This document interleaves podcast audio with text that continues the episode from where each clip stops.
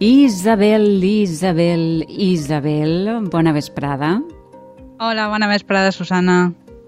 Isabel Ferrer. I jo, clar, eh, sobretot perquè estem al dia que estem, les dates que estem, jo intuïsc eh, que avui parlaràs, ens parlaràs d'alguna cosa relacionada amb les falles, no? Sí, clar, perquè participar un poc d'aquestes no falles, però que sí que són clar. falles en, en el nostre cor i en la nostra oïda també, ja ho ha, ja ho ha dit Edu, Edu Comelles, i aleshores avui la idea era parlar d'un dels temes valencians en majúscules, que és la música festera, perquè si mm. alguna cosa caracteritza les nostres festes és el paper principal que té el so, que té la música, pel l'alt grau identitari en què ens relacionem amb ella. També ves de dir que és un programa que fa molt de respecte perquè és un tema molt intens eh, i és un tema també que és un monstre molt gran. Jo avui em quedaré únicament amb les falles i els pas dobles perquè és el món que més conec i crec que també que més la gent identifica en aquestes dates. També advertís que no és un programa per a músics, perquè jo sé que moltes de les històries que explicaré avui ells ja les, ells ja les saben, però sí que vol ser una dedicatòria a totes aquelles persones que des de fa més de 100 anys, molts anys, totes les festes de carrer, totes les falles, tots els morts i cristians ens, ens acompanyen i fan que la festa siga festa, perquè si no, no seria. Efectivament. Doncs ens centrem, com dius, perquè, clar, abastar-ho tot és eh, dificilíssim. Fem un trosset amb les falles i els pas dobles. Eh, ja sabem que les falles han sigut sempre molt sorolloses, no? Amb, I musicals? Ho han sigut sempre, també? Sí, les falles en principi eren uns cadafals satírics i burlescos que, es feien, que, que les coneixem des de mitjan del segle XVIII, tant com estos cadafals com fogueres per l'horta. El que va passar com totes les altres festes, eh, com el carnaval, com moltíssimes altres, és que la festa mm. a poc a poc anà institucionalitzant-se i fent-se més complexa i gran doncs això s'allarga el número de dies, apareixen els premis, falleres majors, ofrena, mascletades, tot el, tot el, tot el comboi de les falles. I sabem que en unió en aquest procés d'institucionalització de la festa, les bandes a poc a poc a mesura que elles també van eh, fent-se més formals i més estables, van participant de la festa en companyia de les dolçaines i tabal i a poc a poc, també perquè no dir un poc desplaçant a aquests dos instruments me, menys nombrosos i menys eh, sorollosos. I jo crec que amunt i avall aquest procés de gran institucionalització comença al voltant dels anys 20, eh, de, del segle passat, del segle XX. Uh -huh. Però eh, eren sempre pas dobles, aquestes músiques? Doncs ja en aquesta època, cap als anys 20, la immensa majoria sí, però uh -huh. encara que l'oient no acostumat a que no, estiga, que no siga músic, ràpidament tot el món identifica un pas doble, és molt fàcil. Els músics sabem mm. que no tots els pas dobles són iguals ni serveixen per al mateix. Per exemple, hi ha pas dobles més pensats per als despertaes, altres per als desfilaes, altres són toreros, i hi ha uns que els anomenem assentats, perquè són més lents, com més cerimonials. Estos uh -huh. pas dobles són més difícils, i demanen més, més recursos. Per això normalment s'interpreten més en concerts, en, en bandes grans. De tota manera, excepte en aquest últim cas, dels pas dobles més, més difícils, més complexos, la resta de pas dobles, encara que el seu, diguem, adjectiu siga per a despertar és torero, etc., són intercanviables i no hi ha moltes diferències més enllà del caràcter. De fet, hi ha que són molt identitaris de pobles i en uns pobles es gasten per a una cosa i en el poble del costat per a una altra. De tota mm. manera, sí que hi ha un grup, sí que hi ha un grup, que és per el qual començarem avui, que és que els podríem anomenar pas dobles regionals, que són un seguit de pas dobles que de base utilitzen procediments i melodies tradicionals valencianes que els fan molt identificables per la gent i, i també molt apreciats. Probablement un d'aquests primers que identifiquem en, en el temps i que es va fer molt conegut és l'entrada de la Murta de Salvador Giner, que és del 1903. Escoltem-lo breument. I,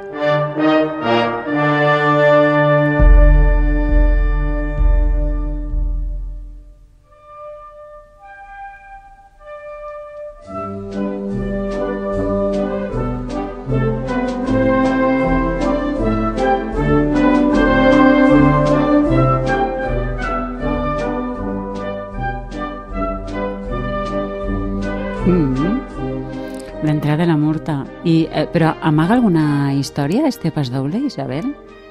Sí, aquesta història és molt coneguda, és l'ABC de, dels pas dobles i la història és que Giner, que to, era tota una personalitat en la València d'aquell moment, mm. li varen dir que farà un pas doble per a les oposicions a la primera banda municipal.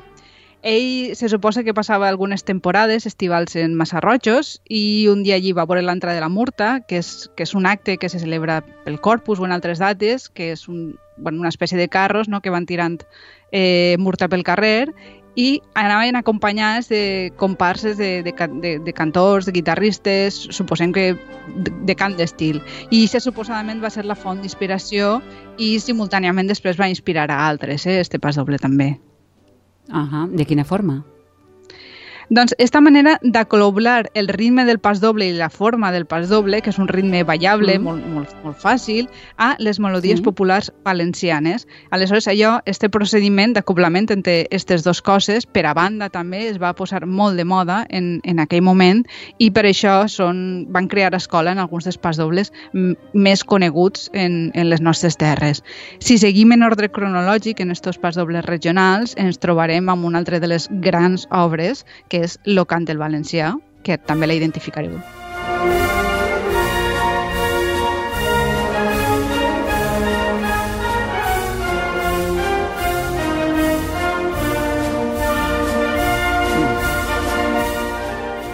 Sí, molt conegut també, eh? Sí, este en concret és un dels meus favorits. Eh, en este cas és, és un alumne de Giner el que l'escriu, que és Pedro Sosa, que és un compositor nascut a, a Requena i és, la seva composició coincideix amb l'únic contacte directe que li coneixem, perquè ell era professor de conservatori, es va moure molt per, per València, però el 1914, que és quan es va escriure, era director de la banda del Cercle Catòlic de Torrent. Potser per això va composar el passo doble i s'ha quedat ja en el repertori i és un d'aquests passadobles assentats que normalment s'utilitza una banda més gran, té actualment eh, un solo de per a bombardí que és prou delicat, aleshores és un dels grans passadobles, sí. Ah, eh, però hi ha com alguns momentets que pareix que recorde a l'himne de Serrano.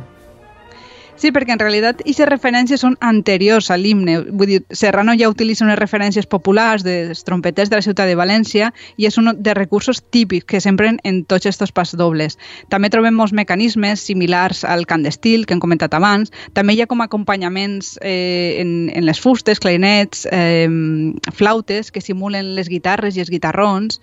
En general, tots ells comparteixen aquests elements de la música tradicional valenciana. Hem de pensar que és un moment en el que s'està creant el cànon, el cànon del que és la nostra música i, de fet, és un moment en el qual les autoritats demanen als compositors que escriguen música per a les festes i aquestes composicions s'han quedat en el repertori. Es creen en les dècades dels anys 20 i 30 i s'han quedat ja fins pràcticament els nostres dies, com ha passat en la següent peça que escoltarem, que també és de les canòniques, que és el següent.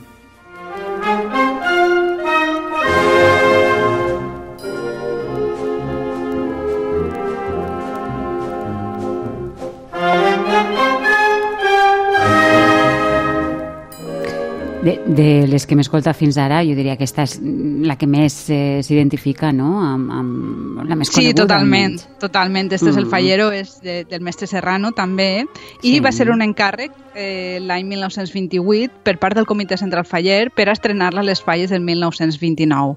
També té una anècdota al voltant d'ell i és que se suposa que li van fer l'encàrrec a Serrano eh, el 1928 i ell es va oblidar completament i després va haver de córrer eh, per a compondre-la eh, i se suposa que la va fer en uns pocs dies. En tot cas, l'obra va ser estrenada i en poc de temps es va convertir en un gran èxit, es va fer un concurs per a veure qui la interpretava millor i en només un parell d'anys es va demanar, donant l'impacte social que havia tingut, a Maximilià Taus, que també és l'escriptor de, de la lletra de l'himne a l'exposició regional, sí. que va acabar-se l'himne um, autonòmic que li posarà una lletra que s'estrenaria el 1931 al Teatre Polo de València, que era un teatre que hi havia en el carrer Sant Joan d'Àustria. Eh, esta lletra ja la coneixem tots, entre altres, gràcies a la versió que anys més tard feren els pavessos. I que també que del carrer eres la mà per culpa teua s'enflama. De Joan Montleón, eh, mm. que el trobem a faltar. I bé, sí. eh, a més d'estos tres pasdobles que hem comentat, i que serien els, els que més identificaríem els passobles regionals, hi ha molts altres, eh? no vull ser exhaustiva ni res. Tenim un altre gran grup, que és el que denominem toreros, però que jo crec que molts d'ells ja han saltat a la categoria de festius i molts interpreten despertades, desfilades, etc. I n'hi ha alguns que també són de la dècada de, dels anys 20, contemporani als falleros, i amaguen històries gens relacionades amb, amb, els, amb els bous com en el cas del Fallero i de tants altres, hi ha una part de la història que és mite, altra de realitat, però aquestes històries en realitat serveixen molt bé per explicar-nos com vivim d'intensament dels músics i la resta de gent aquestes eh, obres i que en realitat per a nosaltres són molt més importants, encara que socialment a vegades no estan prou ben valorades, molt més importants que sinfonies, òperes i altres músiques. I si no, escoltem mm. la següent obra que, que porte.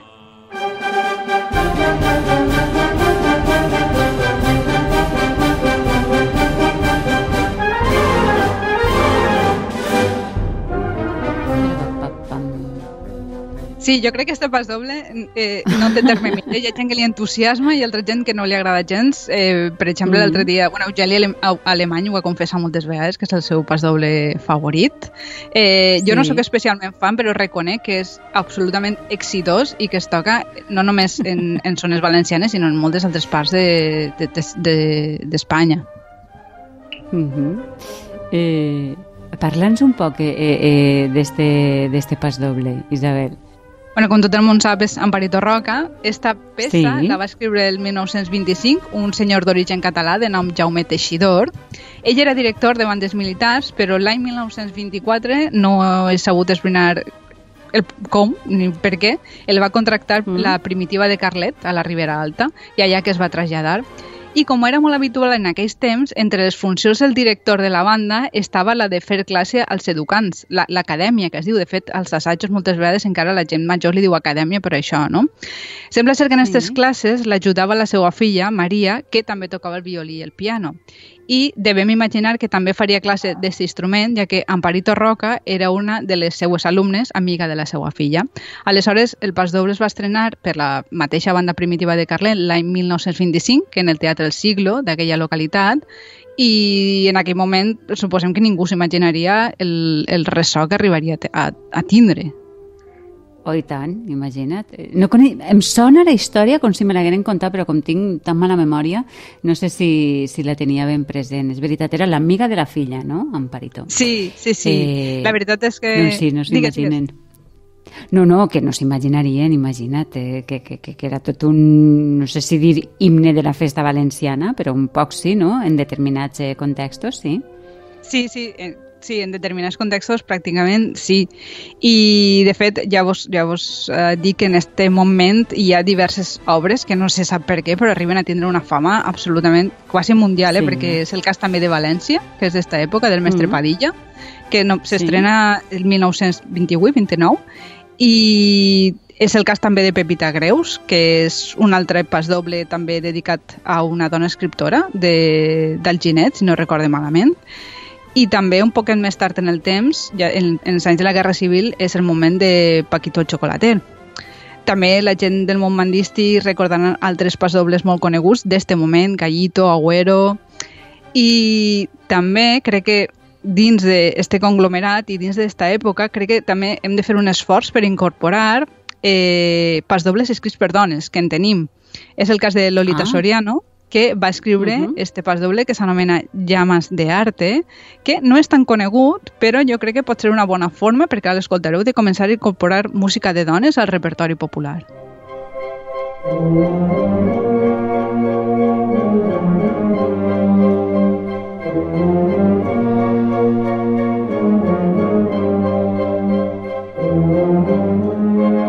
Ei, doncs sí, sona molt bé.